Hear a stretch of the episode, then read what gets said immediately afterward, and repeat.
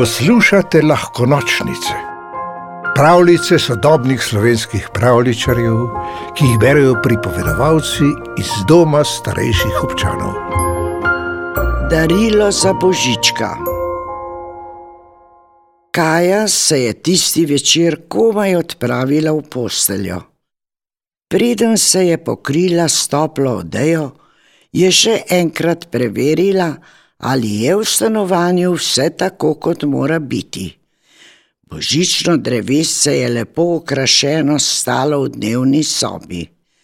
Prostor za darila je bil lično pripravljen in njeni copati so bili vzorno zloženi v posteli.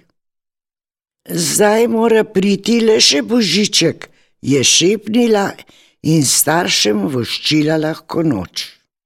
Spanca pa ni in ni hotelo biti.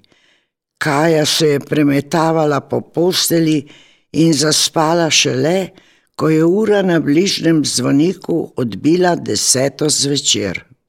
Sredi noči jo je prebudil glasen Ačih! Najprej se je prestrašila, nato pa jo je prešinilo. Je to on? Tiho je zdrsnila z postelje in stopila proti dnevni sobi.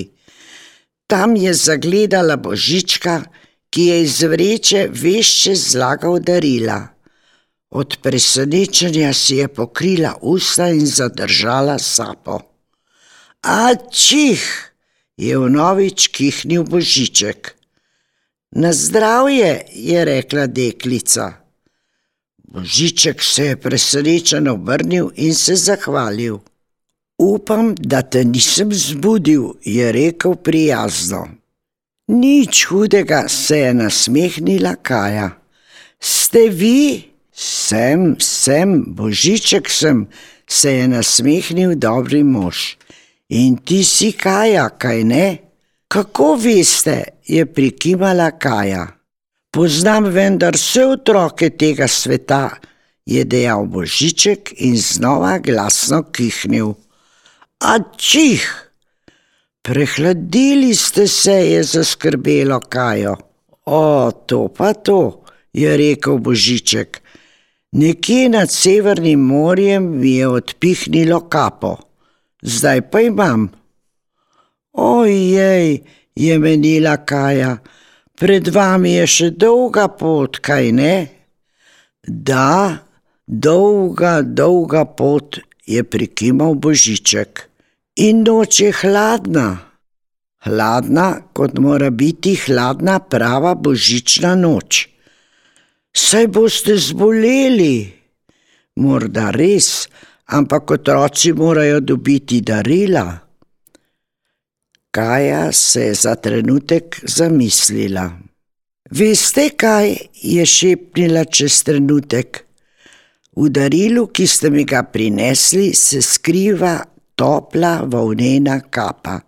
Sicer ni rdeča kot vaša, ampak vzemite jo. Božiček je presenečeno obstal. Si prepričana? Seveda, potrebujete jo bolj kot jaz. To, da to pomeni, da boš ostala brez svojega darila, je resno dejal Božiček. Nič za to. Starši so me naučili, da si moramo med seboj pomagati. Z veseljem vam pomagam, tako kot vi z veseljem vsako leto obdarite vse otroke tega sveta, se ni dala kaja.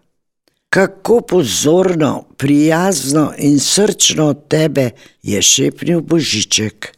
Tako prijazno in srčno, da sem ta hip dobil čedno idejo. Lahko za trenutek počakaš? Kaja je prikimala. Božiček je stekel do svoje uprege, z nje snel kragulček in ga izročil Kaji. Spomin na ta večer. Kako Kako lep kragulček je dahnila deklica. Hvala ti še enkrat, se je nasmehnil dobri mož in si na glavo poveznil toplo kapo. Tudi jaz ne bom nikoli pozabil najnega srečanja. Deklica je prikimala in Božičku pomahala v slovo. Ko se je vrnila v svojo sobo, je podarjeni kragulček skrbno skrila pod blazino, se pokrila s toplo odejo in trdno zaspala. Naslednje jutro je vstala, ko je bilo zimsko sonce že visoko na nebu. Sedla je na rob postelje, si pomela oči in se spomnila na nočno prigodo. Sem o srečanju z Božičkom le sanjala ali se je vse skupaj res zgodilo, se je vprašala. Segla je pod blazino in srce ji je veselo zaigralo, ko je našla podarjeni kragulček.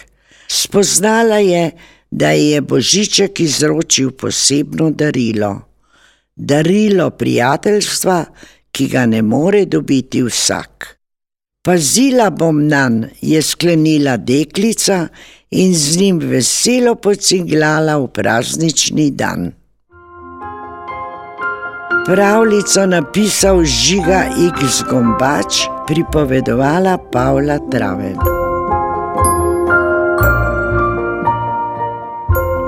V deželo princesk, zmajev, gozdnih vil in ostalih čarobnih biti ste vabljeni na lahko nočnice, pika si, pa lahko noč.